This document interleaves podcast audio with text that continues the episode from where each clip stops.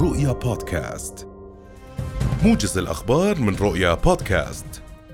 توقع الخبير النفطي هاشم عقل أن ترفع الحكومة سعر مادة البنزين بنوعيه 90 و 95 بنحو أربعة قروش ونصف للتر وارتفاع سعر مادة الديزل بنحو ثمانية قروش للتر وبين عقل في حديثه لرؤيا اليوم أن هذا الارتفاع الحاد عائد إلى ارتفاع أسعار البترول عالميا فضلا عن تأثره بمعادلة العرض والطلب داعيا في السياق ذاته إلى ترشيد استهلاك المشتقات النفطية والتحول لاستخدام المركبات التي تعمل بالكهرباء.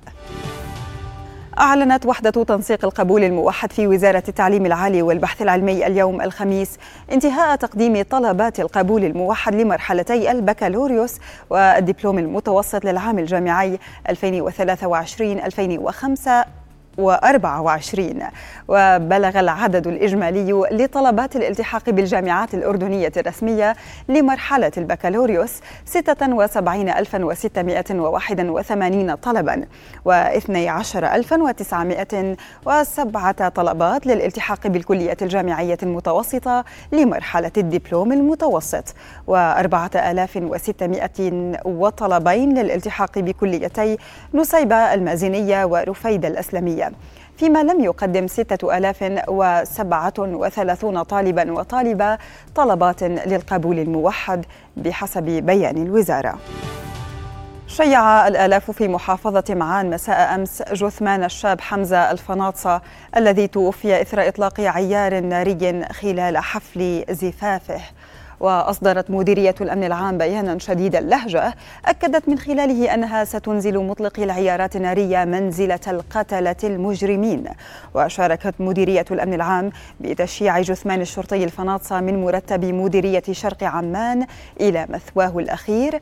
وشارك مندوب مدير الأمن العام مدير شرطة شرق عمان العقيد بشار الهباهبة وعدد من كبار الضباط.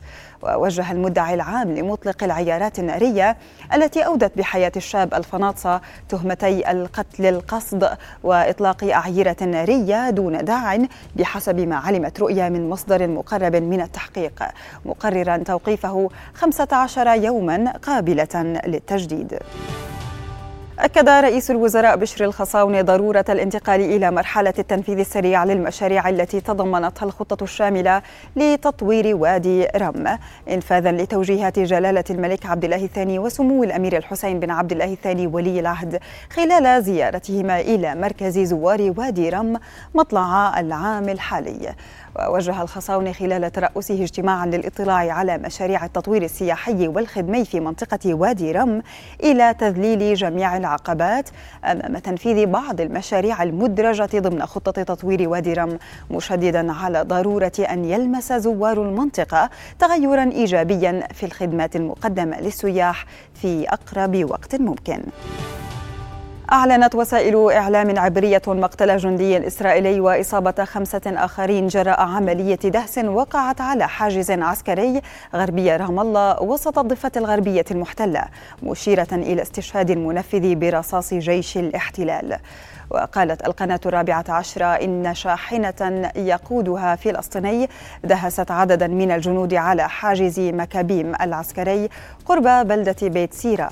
قبل أن يطلق جنود الاحتلال النار على منفذ العملية بعد ملاحقته قرب حاجز عسكري قريب من المنطقة.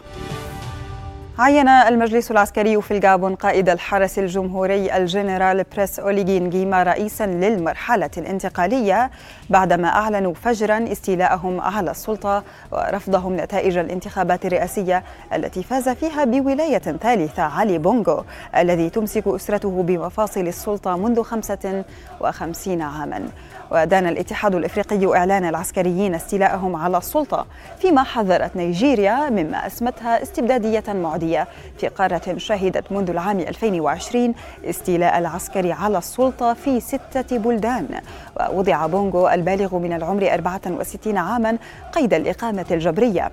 كما تم توقيف أحد أبنائه بتهمة الخيانة العظمى وفق المجلس العسكري.